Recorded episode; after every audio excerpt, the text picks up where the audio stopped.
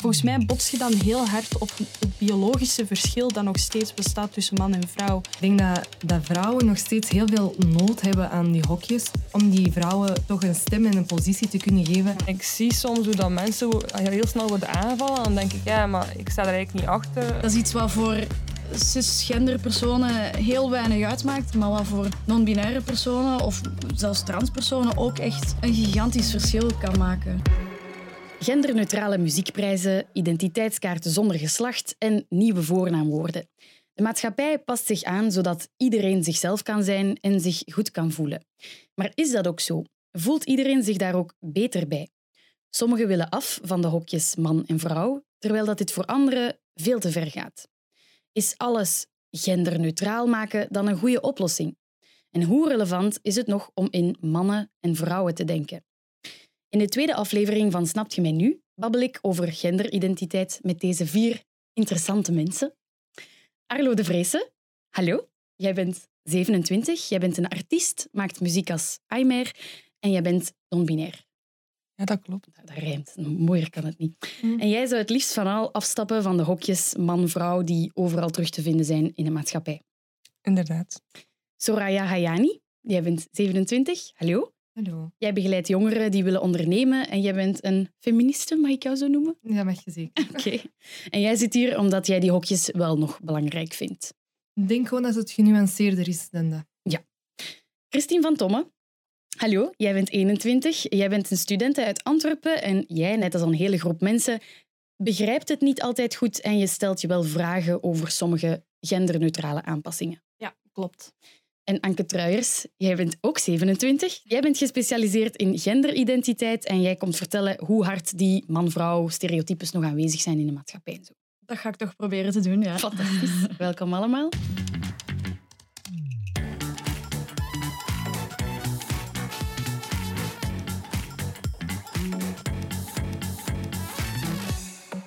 Er kwam online heel veel reactie op het nieuws dat de Brit Awards, Britse muziekprijzen, genderneutraal werden. Die aanpassing kwam er onder meer op vraag van Sam Smith, een non-binaire zanger, die zich in geen enkele categorie meer thuis voelde. Arlo, jij bent non-binair. Kan je dat eens uitleggen voor mensen die dat niet zo goed kennen? Zoals ik non-binair zou omschrijven, um, ik denk dat het belangrijk is om te starten bij de term transgender, om dat te, uit te leggen eigenlijk. Mm -hmm. de term transgender betekent dat je je niet of niet volledig identificeert met het geslacht dat je toegewezen is bij de geboorte. Mhm. Ehm, en als je non-binair bent, dan val je daar in theorie eigenlijk onder, want dan identificeer je je niet volledig met het geslacht dat je toegewezen is bij de geboorte.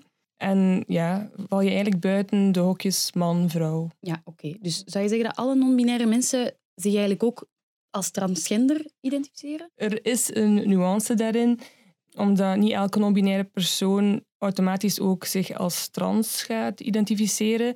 Ik bijvoorbeeld wel. Ik voel mij comfortabel bij beide termen. Maar ja, het belangrijkste is eigenlijk uh, bij eender welke queer persoon dat je luistert naar ja, waar zij zich eigenlijk comfortabel bij voelen. Arlo, jij bent non-binair en gebruikt dus andere voornaamwoorden. Kan je eens even uitleggen uh, wat die zijn ten eerste? Ik gebruik uh, die, hun. En die worden hoe gebruikt? Uh, bijvoorbeeld, die is knap. Het is hun boek. Okay. Het boek is van hen. Ja, oké. Okay. Ik kan me voorstellen dat dat voor heel veel mensen nieuw is en dat sommige mensen dat ook verkeerd gebruiken. Hoe ga je daarmee om als mensen dat verkeerd gebruiken? Um, ik denk in het begin, toen ik net uit de kast was, dat ik het moeilijker vond om daarmee om te gaan, omdat dat toen nog heel dicht zat op mij. Nu kan ik dat beter plaatsen en um, ga ik uit van de intentie van de persoon. Als ik weet dat hij wil bijleren en open-minded is, ja. dan geef ik die geruste tijd en ga ik niet die gaan afstraffen daarop of zo. Je voelt dat wel in je, in je buik. Je buikgevoel zegt u hoe ja. dat iemand is en of die respecteert of niet. Dus, en gebeurt het nog vaak? Uh, ja, dat gebeurt wel vaak, ja.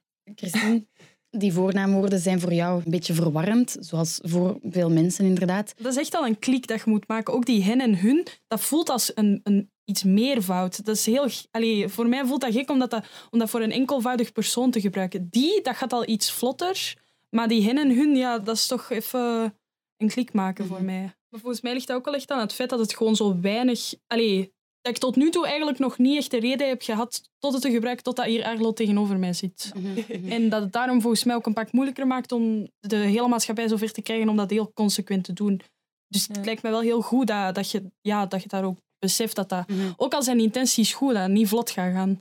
Nee, en ik denk wat belangrijk ook is om te onthouden, is dat elke non-binaire persoon ook zelf heeft moeten leren om dat te gebruiken. Zelf nu maak ik nog fouten. Hè. Ehm, En ook niet elke non-binaire persoon gebruikt de voornaamwoorden die en hun. ook al. En, en, de- en sommige mensen veranderen ook in de loop van een, van een transitie toch weer van, van Mhm. voornaamwoorden. En dan moet ik zelf ook weer die klik maken. Ah ja, het is nu toch dat. En dat is oké. Ik denk, alleen, ik denk het belangrijkste is gewoon dat je het als een leerproces ziet. Net zoals wij het eigenlijk ook zien. Ik ben ook niet perfect. Allee, ja. Is het dan belangrijk dat je het altijd op voorhand vraagt aan de mensen? Is dat de beste oplossing om eh, het goed te doen? In een ideale wereld is dat heel mooi. Ehm, maar ik moet zelf toegeven dat ik nu ook niet bij iedereen die ik tegenkom ga vragen wat zijn die persoonlijke voornaamwoorden. Ehm, ik vind het wel belangrijk dat als ik iemand ehm, hechter leer kennen, dan ben ik het wel te vragen. Ehm, want allee, het is wel belangrijk dat je het juist doet. Dat is ook het ding. Dan wil ik ook een beetje inpikken op wat Arlo net zei. Dat het niet de bedoeling is dat je elke keer aan iemand in, eh, meteen gaat vragen hoe moet ik u aanspreken. Maar anderzijds door nu overal achter uw naam hij, zij, haar of, of die hun te zetten. Of legt je daar toch ineens super hard de nadruk op. En ik vind dat soms niet echt passen in de omgeving waarop er die, die nadruk op gelegd wordt. Dus op Instagram zie ik dat bij mijn vrienden heel veel passeren. En dan denk ik, oké, goed, ehm, als jij dat wilt, als dat je interesseert, dan, dan kun je dat ernaast zetten. Ook al is het vaak heel obvious. Maar, maar dan kreeg ik onlangs eh, van de universiteit een mail van een administratief medewerker. En dan stond daar zij... Ja, dan stonden die voornaamwoorden erachter. En dan dacht ik, ja, hoort dat nu ook hier thuis? Allee, dat vind ik dan... Ja, Daar, daar heb ik eerder zo een gevoel van afkeer voor. Maar Dat vind ik wel persoonlijk belangrijk. Allee, als ik Ja. daarop kan inpikken. Ik vind het wel belangrijk dat mensen hun persoonlijke voornaamwoorden vermelden in hun handtekening en op social media. Want daar is ook de stap veel gemakkelijker eigenlijk, vind ik, dan in het echt leven soms. En, en ik vraag me gewoon af wat je eraan te verliezen hebt eigenlijk, dat- door het te doen. Maar mij, ik vind het gewoon ongelooflijk verwarrend zo op den duur. Dat je continu op eieren moet lopen met welke voornaamwoord ik moet gebruiken. Maar misschien ligt het inderdaad ook meer van het feit omdat het gewoon nog niet genoeg ingeburgerd is. Allee, Ja. ik ben ook nog aan het wennen aan het hele concept. Dus. Dat snap Dank ik. jij wou inpikken. Ik snap dat je misschien het gevoel hebt, ik moet op eieren lopen. Maar ik denk ook niet dat, dat mensen dat in hun e-mail-handtekening of zo zetten met het ding van als je nu een fout maakt, is dat een hele grote ramp. En ik snap ook dat het moeilijk is vanuit het perspectief van een, een cis-persoon om in te zien van wat voor belang dat dat net kan hebben, die voornaamwoorden die in, in een e-mailhandtekening staan bijvoorbeeld. Maar allee, ik ken zelf ook heel veel non-binaire personen en die krijgen daardoor wel gewoon het gevoel van oké, ehm, ze zijn ermee bezig en ik kan hier misschien in een veilige omgeving ook zeggen dat mijn voornaamwoorden die en hun zijn. En in plaats van dan in die e-mailhandtekening met beste mevrouw of beste meneer worden aangesproken, gewoon als beste, zelfs zonder naam desnoods en met de juiste voornaamwoorden. Dus dat is iets wat voor cisgender personen heel weinig uitmaakt en heel weinig moeite is, maar wat voor non-binaire personen of zelfs transpersonen ook echt een gigantisch verschil kan maken. Ik hoorde je ook al het woord cisgender eh, gebruiken. Dat is eh, voor ter verduidelijking iemand die zich wel identificeert met het geslacht dat aangewezen is bij de geboorte. Ja, Correct? Inderdaad. Ja.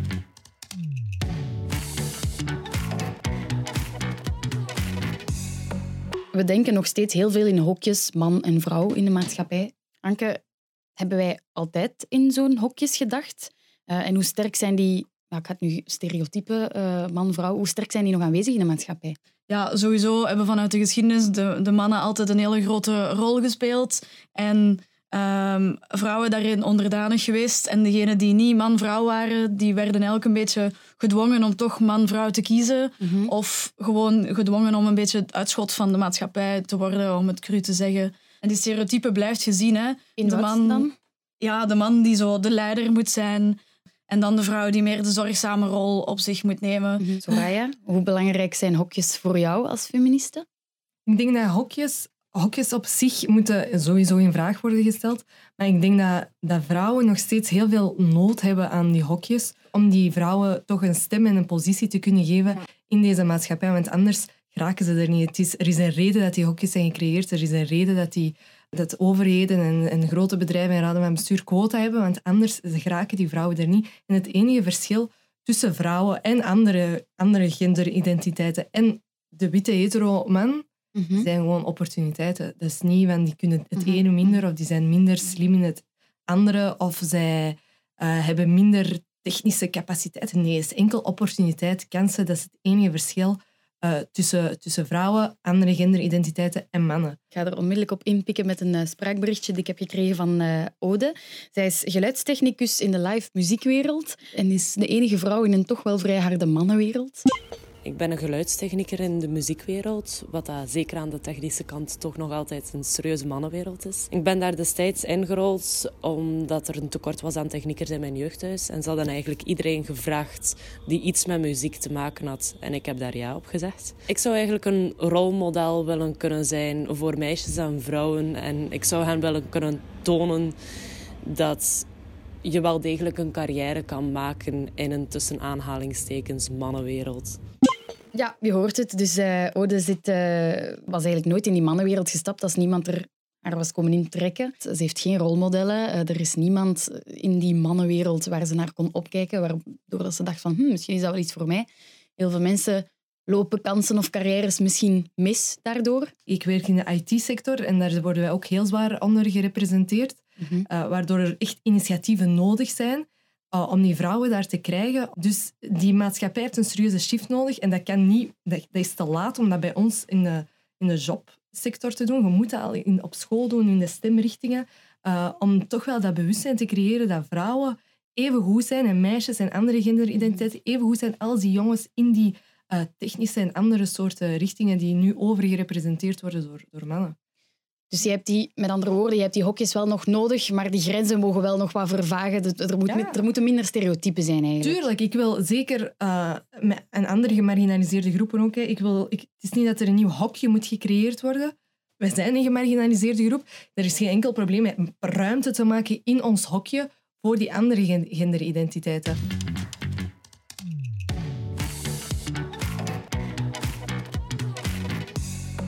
Er zijn steeds meer awardshows um, die genderneutraal worden, tussen aanhalingstekens. Ook bij Ketnet, de Gouden Kaas, die, worden, die zijn ook genderneutraal sinds uh, vorig jaar. Dat zijn de Vlaamse publieksprijzen um, van Ketnet, dus voor kinderprogramma's.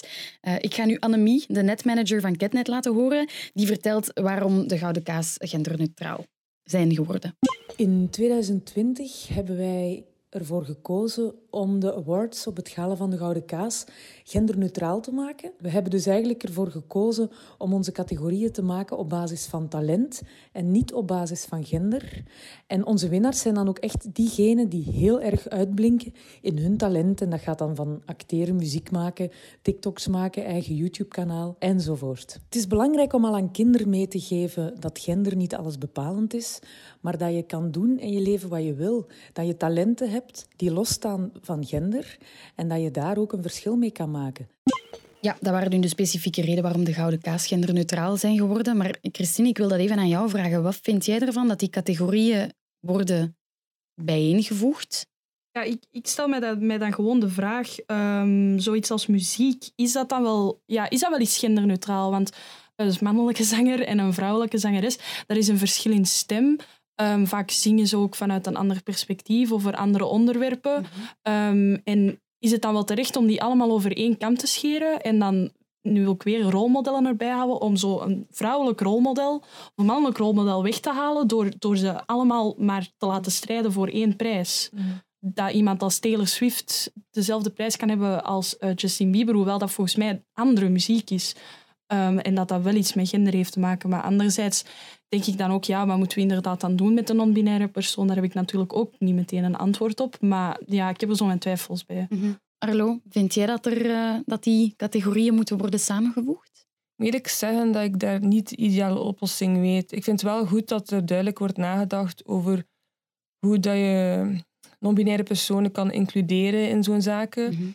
Maar ik weet niet of ik echt voorstander ben per se van dan genderneutrale prijzen. Want ik denk in praktijk ten eerste dat dat dan vooral neerkomt op mannen die die prijzen gaan krijgen. Dus eigenlijk ja, is dat helemaal voilà. niet meer zo neutraal.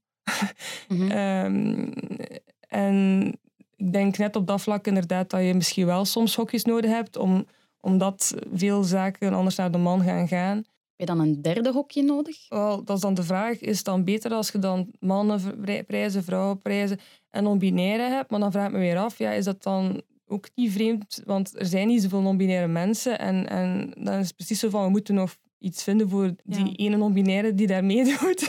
en ik weet het niet. Ik weet echt niet wat de oplossing is daar. Ehm, Maar zou je het dan erg vinden moest jij genomineerd worden voor de prijs van beste vrouwelijke zangeres? Hoe zou jij je daar dan bij voelen? ja, dat is natuurlijk ook weer een vraag. Dat heb ik niet bij stilgestaan, moet ik zeggen. Allee, Eh, als artiest? Ja, nee, ik heb niet Moet je voorbereiden, hè? Ja, Het ding is, ik denk dat ik... Oké, het zal een beetje raar voelen dat ik als vrouw genomineerd ben, maar ik denk dat dan het belangrijkste zou zijn dat degene die die prijs mij overhandigt het ook wel zegt van ja. dit is Aymer, Arlo, whatever. Ehm, en die heeft die prijs gewonnen, maar eigenlijk is die wel non-binair. Dan is het ook geweten. Dat, ik ben non-binair, maar oké, ik val dan onder die eh, prijs. Mhm. Soraya, is dat een oplossing voor jou, Ehm, die samenvoeging? Nee, de samenvoeging is denk ik absoluut geen, eh, geen oplossing. Ik denk dat dat een heel utopisch... Ik vind dat nobel, hè, dat, dat die dat doen. Dat is maar zo utopisch. De maatschappij zit absoluut niet zo in elkaar. De reden dat, die, dat, dat er prijzen zijn voor vrouwen, voor, dat dat apart wordt gezet, is omdat die anders absoluut geen kans maken om een prijs te winnen. Dus dat is er doorheen, door protesten en zo, zo gegroeid, zodat die vrouwen meer kansen krijgen om een prijs te winnen. Door Mhm. dat weer allemaal af te schaffen, gaat dat weer een mannelijk gedomineerde eh, industrie worden, zoals al veel industrieën zijn, eh, waar dat vrouwen veel minder erkenning krijgen dan mannen. We zijn nu wel in 2021. Denk je dat het nog steeds even hard door mannen gedomineerd zal zijn in 2021? Want we 100 hebben toch... procent. 100 procent.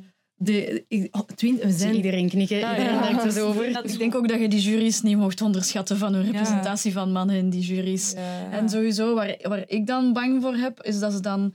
ehm, want op papier is dat heel mooi. En ik vermoed ook als ze daarmee bezig gaan zijn, dat ze ook wel bewust gaan nadenken van wie, dat we, wie, wie gaan we kiezen. Maar dat het dan een beetje wordt van... Oké, vorig jaar hebben we een man gekozen. Ja, voilà. Dus nu kunnen we hieruit kiezen. Ja. Terwijl er misschien dat jaar wel een extreem getalenteerde man een prijs verdient. Of, of je kiest een non-binair persoon of iemand met een andere genderidentiteit eh, om een statement te maken. Dat dat, dat meer een politiek... Ja, do- eh, ja, dat dat meer een politieke kwestie begint te worden dan echt effectief om talent. Pas op, het is echt een heel mooi... Ik zeg het, die intentie daarachter zit sowieso 100% goed. Eh, maar ik denk dat de maatschappij daar absoluut niet klaar voor is. Terwijl dat generatie Z, als we daarover spreken, die één op zes mensen Wacht, daar... generatie Z, wie is dat? Ja. Zijn wij dat? Wie is Ge- dat? Generatie Z is, zijn mensen die vanaf 1998 tot, tot en met 2005... Ja, er zijn verschillende opvattingen Ja, van, maar dat is ja, ongeveer. Zijn jullie net geen zet zeker? Nee, Drie- 93. En de enige zet. Oeh. ja, jij bent een We ook zijn nog nog, millennials. Ah, amai. Hoe oud ben je? Ik ben 24. Dat is nog... Ik ben de grens. Ja, jij bent de grens. Ehm, maar dus die Dus we zijn er niet klaar voor. Ja, één op zes van die eh, jongeren uit die generatie zich toch al identificeert met, met een andere genderidentiteit. Of al, alleszins meer genderfluïde is. En de helft van die jongeren vindt dat ook belachelijk dat, er, dat, dat allemaal nog dat dat gedateerd is om Mhm. zo in man-vrouw te blijven spreken. Uh, Mhm. Dus als maatschappij gaan wij ons daarop moeten uh, organiseren, want die generatie heeft het binnenkort voor het zeggen en zij gaan dat niet meer aanvaarden. Christine, jij erop ja, inpikken? Ja, ik wou nog even iets zeggen over ehm, de nobelheid van de prijzen en de intentie om zo'n dingen te veranderen. Soms krijg ik de indruk ehm, dat dat ook een commercieel einddoel heeft, omdat het nu heel hard speelt. Iedereen Een moet woke is. zijn, iedereen moet politiek correct zijn. En dan gaat uw prijs al sneller beter in de media komen. Gaan mensen daar al sneller iets positiefs over te zeggen, omdat het zo politiek correct is als je dat genderneutraal maakt. En ik merk dat heel vaak bij zo'n concepten waar ineens zo, zo, zoiets genderneutraal wordt gemaakt, er wordt ineens iets veranderd, dat dat soms eigenlijk meer gaat over hoe kom ik nu over naar de buitenwereld, dan dat er echt wordt Echt nagedacht over de praktische gevolgen en de, de gevolgen voor, voor de mensen die dan strijden om zo'n eh, prijs of, of pakweg naar het toilet gaan. Allee. Wat bedoel je? Pak Ja, naar het toilet Allee, gaan? Ja, dat speelt nu de laatste tijd heel erg bij mij. Op mijn universiteit dachten ze, ah, amai, dat is nu eh, super hot in het nieuws, ehm, genderneutraliteit en zo. Wij gaan ook al onze toiletten eh, genderneutraal maken. Ja, allemaal goed en wel. Maar wat hebben ze op mijn universiteit dan gedaan? Dat is de Universiteit Antwerpen. ehm, die hebben gewoon overal een papier geplakt, zo bam, tegen de muur. Ehm, het maakt niet uit welke gender je bent, was gewoon je handen. En dan En dan hebben ze de boodschap verspreid van ja, vanaf nu zijn alle toiletten genderneutraal. Maar dat is niet de oplossing. Ik vind dat eigenlijk een heel stomme oplossing, want het is niet helemaal niet genderneutraal.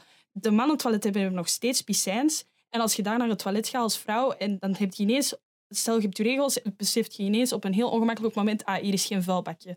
Hier zit ik dan met al mijn spullen. En anderzijds, als een man dan aan het piscijn zijn behoeften staat te doen, en die staat daar, ja, Naakt? ja. Half? Ja. Allee, ja, die staat daar met zijn hele, hele bloot. Kan er ineens zo een vrouw, of meerdere vrouwen kunnen dan ineens binnenwandelen. En dat is volgens mij, ehm, vinden mannen dat helemaal niet leuk. Dat die daar dan staan te pissen en er ineens zo vrouwen gewoon kunnen binnenlopen. Dus volgens mij heeft mijn universiteit dan meer gedaan om het imago dan echt na te denken over Ja. de praktische gevolgen. En dat stoort, dat stoort mij dan vaak aan zo'n krasse veranderingen. Mhm. Ja. Ik wou eens even, Anke, eh, aan jou vragen. We hebben het hier altijd over genderneutrale initiatieven, maar wat vind jij eigenlijk al van het woord genderneutraal op zich? Is dat een goed woord? Ja, ik persoonlijk ben niet zo fan van genderneutraal, want ik stel me altijd de vraag, wat is dat? Een neutraal gender? Mhm. Bestaat dat echt? Allee, in, in mijn mening bestaat dat niet, een neutraal gender. Ehm, dus ik ben zelf altijd meer fan van de term genderinclusief. Omdat het toch wel gaat om, om gewoon ja, iedereen eh, te includeren in, allee, hierin. En gewoon zoveel mogelijk mensen de ruimte te geven om, om zichzelf te zijn en om, om zich comfortabel en veilig te voelen. Dus ik ben zeker geen fan van genderneutraal. Denk je dat de reactie dan van mensen zou veranderen? Denk je dat dat meer een positievere connotatie gaat eh, hebben als je genderinclusief gebruikt? Dat je dan meer mensen zou meekrijgen? Het is vooral veel logischer. Ik denk dat genderneutraal je meer de indruk geeft van oké, dan is iedereen non-binair. Maar dat is het absoluut niet. En dan vind ik Nee, genderinclusief nee. een veel logischere benaming dan genderneutraal. Ja. Ja. Nu, ik vermoed dat ehm, genderinclusief gebruiken er niet voor gaat zorgen dat er geen discussies meer zijn. Want Ja. het woord inclusief wordt natuurlijk ook nu zoveel gebruikt dat mensen dat lezen en dan daardoor in debat gaan. Ja. Dus eh, allee, ik denk dat dat niet alle problemen gaat oplossen, maar dat het misschien wel ja, gewoon iets beter is dan, dan het neutraal te Ja, noemen. en zo ehm, schakel je vlot over naar mijn volgende punt. Want ik wil het ook eventjes hebben over eh, de rol van de media hierin.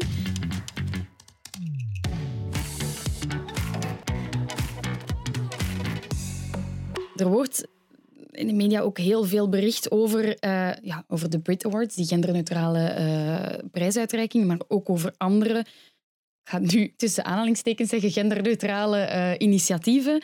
Arlo, wat vind jij van de manier waarop dat de media omgaan met zo'n onderwerpen? Ik denk dat de pers soms wel op, op onderwerpen springt, inderdaad. Zoals non-binair zijn is heel, lijkt heel erg in of zo nu, om daar gewoon over te Ja. praten. Ehm, en soms stel ik me daar zelf ook vragen wel bij. Als iemand mij dan zo vraagt van hey, ik wil over u schrijven of zo, want jij bent non-binair. Mm.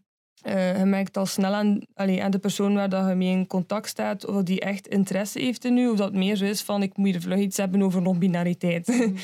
maar ik denk wel dat uiteindelijk het resultaat altijd wel, of bijna altijd positief is voor de community, want de queer community, of ja, en de trans community dan specifiek, vindt representatie wel heel belangrijk. Ehm, ik, ik zie dat ook gewoon bij mensen die ik ken die trans zijn.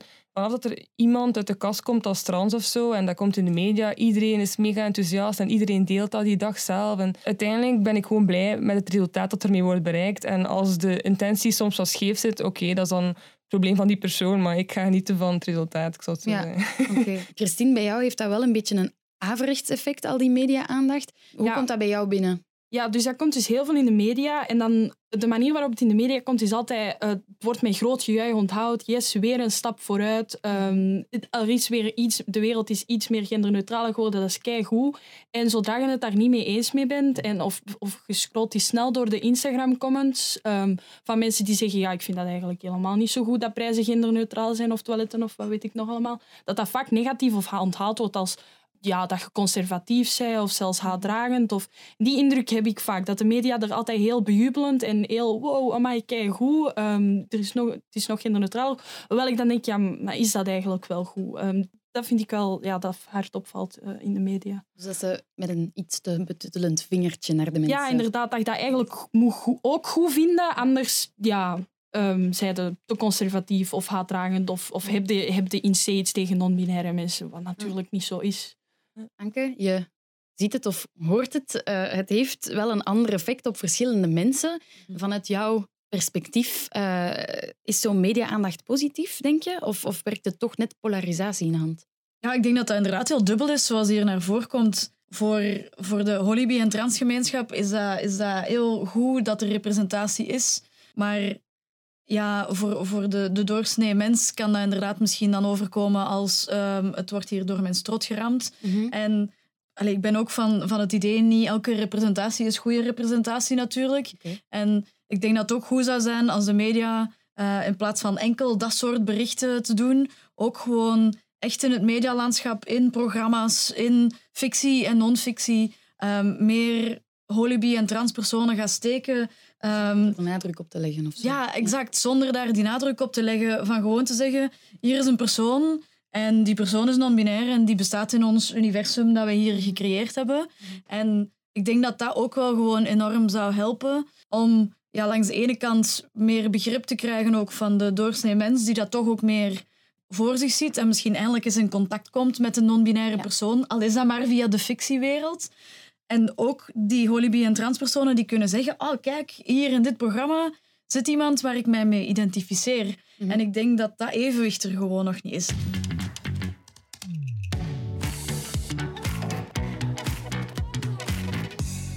Er was de afgelopen weken ook veel discussie rond de identiteitskaart. Eh, daarop zou het geslacht, dus de kleine V of M, verdwijnen. Christine, wat was daarop jouw eerste reactie? Ja, mijn eerste reactie was ook weer, allee, weer het volgende bericht over iets dat genderneutraal wordt. En dan ook zoiets als een identiteitskaart, wat een heel belangrijk stukje document is, uh, waarvoor heel veel dingen gebruikt wordt.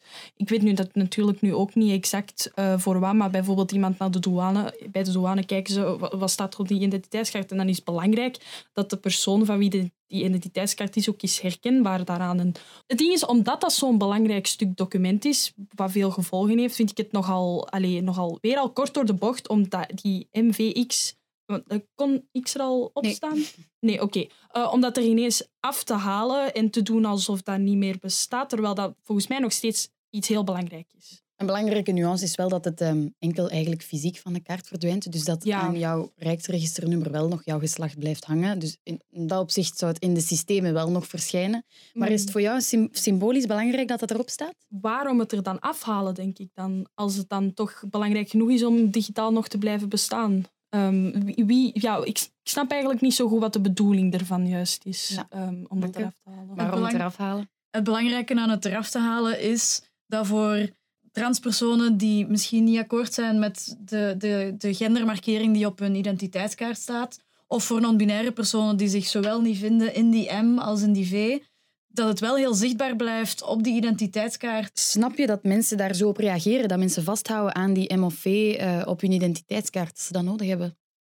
Ja, in die zin dat ik besef dat, dat mensen het moeilijk vinden om die structuur die ze gewoon zijn, van dat los te laten. Mhm. Absoluut. Ehm, dat is ook iets dat al zoveel jaren op je identiteitskaart staat. Maar ik vind dat het weinig nut heeft dat dat zo zichtbaar op je identiteitskaart staat. Ik kreeg eh, ook nog een spraakbericht van Jana.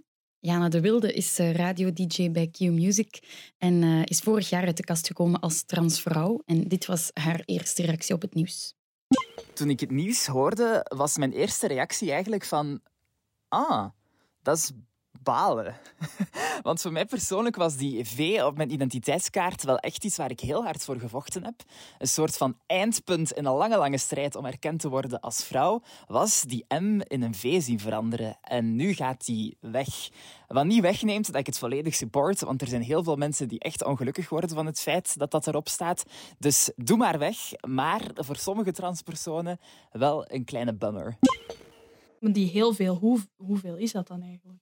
Allee, ik, natuurlijk wil ik, wil ik u niet wegzetten als, als onbelangrijk of zo, maar soms denk ik, is er dan overrepresentatie? En zeggen ze, heel veel mensen hebben het hier moeilijk mee, hoewel het dan toch wel weer een kleine groep lijkt te zijn. Allee, De vraag die ik ook aan u wou stellen, even sorry dat ik u onderbrak, Is gewoon ehm, hoe vaak kijkt jij naar die M of die V die op je pas ja, staat? nee, nooit. Allee. Waarom maakt het dan uit dat die M of Nee, V ja, maar het zijn gewoon alleen nuances die ik dan... Nee, zeker. Ik, kan, ik begrijp het ook wel. Maar ik vraag mij sowieso af aan heel veel mensen die daar heel heftig op reageren. Ja. Hoe vaak kijken die naar het feit dat er een M of een V op je pas staat? Mensen kijken naar het fotootje. Of... Ja, maar dan heb je wel zo mensen zoals Jana bijvoorbeeld, die er wel keihard naar hebben Absoluut. uitgekeken. hè. En Dus voor dat- sommige mensen is het wel effectief belangrijk. Ik begrijp Maar- ook dat voor sommige mensen die strijd er zeker wel geweest is en dat die wel heel blij zijn dat dat wel erop staat. En Is dat de beste oplossing om het weg te halen volledig? Arlo, wat had jij liever gezien? Het ding is dat ik denk dat er soms een misconceptie is dat ook alle transpersonen het op dezelfde manier denken over een bepaalde verandering. Mhm. Want ik zelf sta eigenlijk meer aan de,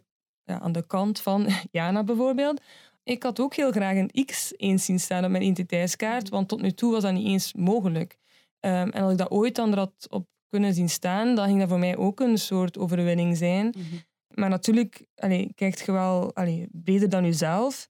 Ehm, en ik weet dat er heel veel transpersonen zijn die dat net wel hè, goed vinden dat dat eraf gaat. Dus ja, Arlo, die aanpassing op de identiteitskaart, die genderneutrale awards, eh, genderneutrale wc's, is dat voor jou echte vooruitgang? Of schijn van we proberen iets goed te doen, maar het is meer voor de reclame? Het kan al, ik heb zoiets van, het kan altijd de laatste zijn, het kan schijn zijn, maar het is ook een vooruitgang dan. Allee, Ik heb gewoon zoiets van, ik ben echt wel blij met in letterlijk drie jaar tijd hoe ver dat wij zijn gekomen. Toen ik drie jaar geleden zelf in de pers kwam, wist bijna niemand zelf van non-binair betekent hier in België. En nu ja, is er natuurlijk heel veel rond te doen, dat ga ik niet ontkennen. Maar ik vind dat is wel een positieve evolutie op zich. Zelfs al blijken deze dingen uiteindelijk geen ideale oplossing te zijn, het opent wel het gesprek Ja. eh, om net wel meer kansen te geven aan die minderheden die er nu nog niet in zitten. En hier specifiek dan eh, trans- en non-binaire personen. Dus Mhm. zelfs al blijkt het achteraf niet ideaal te zijn en is er misschien een oplossing die toch beter zou werken, de conversatie is wel gestart Ja. en er wordt wel over gebabbeld. Ben jij al, eh, Ja, van- dat van vind, ik, dat vind ik iets, heel belangrijk en iets heel goed. Dat dat, dat, dat dat concept gekend is, dat daarover gediscussieerd kan worden, dat daarover bijgeleerd kan worden. Maar dan ben ik, dat betekent nog niet meteen dat ik het dan eens ben met alle toiletten genderneutraal maken en bijvoorbeeld kleedkamers ook genderneutraal te maken. Want volgens mij botst je dan heel hard op het biologische verschil dat nog steeds bestaat tussen man en vrouw. Zeker bij iets als toilet, wat een heel praktische handeling is.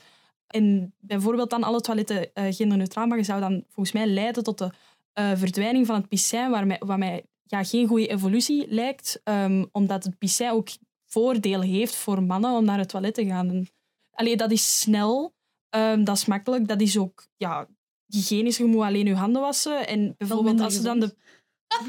Wel minder gezond. I love Het is this gezonder- conversation. Het is gezonder voor mannen om te gaan zitten als ze plaatsen maken. Maar ja, toch ja, doen veel mannen het nog steeds en doen ze het Ja, graag. En, natuurlijk. ehm, Absoluut. Maar anderzijds ook dat ik in een toilet rondloop, zou ik, Ja, zou ik er niet 100%. comfortabel mee zijn. Zouden ook veel van mijn vriendinnen er niet comfortabel mee zijn, dat mannen daar ook gewoon tussen lopen. Ehm, Natuurlijk, Ja. er zijn ook andere oplossingen. Hè. Ik denk, we hebben het nu over hè, alle toiletten gender eh, inclusief eigenlijk maken. Maar uiteindelijk hadden we ook kunnen opteren voor een mannentoilet, een vrouwentoilet en een derde. En ik ben Ja. daar persoonlijk eigenlijk meer voorstander van. Want dan zet je voor iedereen goed aan het doen. En heb je toch ook voor de mensen die eh, zich niet echt veilig voelen in die MV...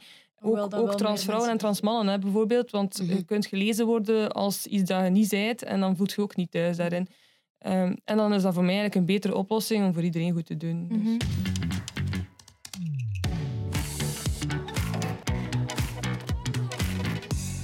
Ik wil eindigen met een eh, opmerking. Ik ben heel blij dat jullie hier allemaal zitten rond mijn tafel.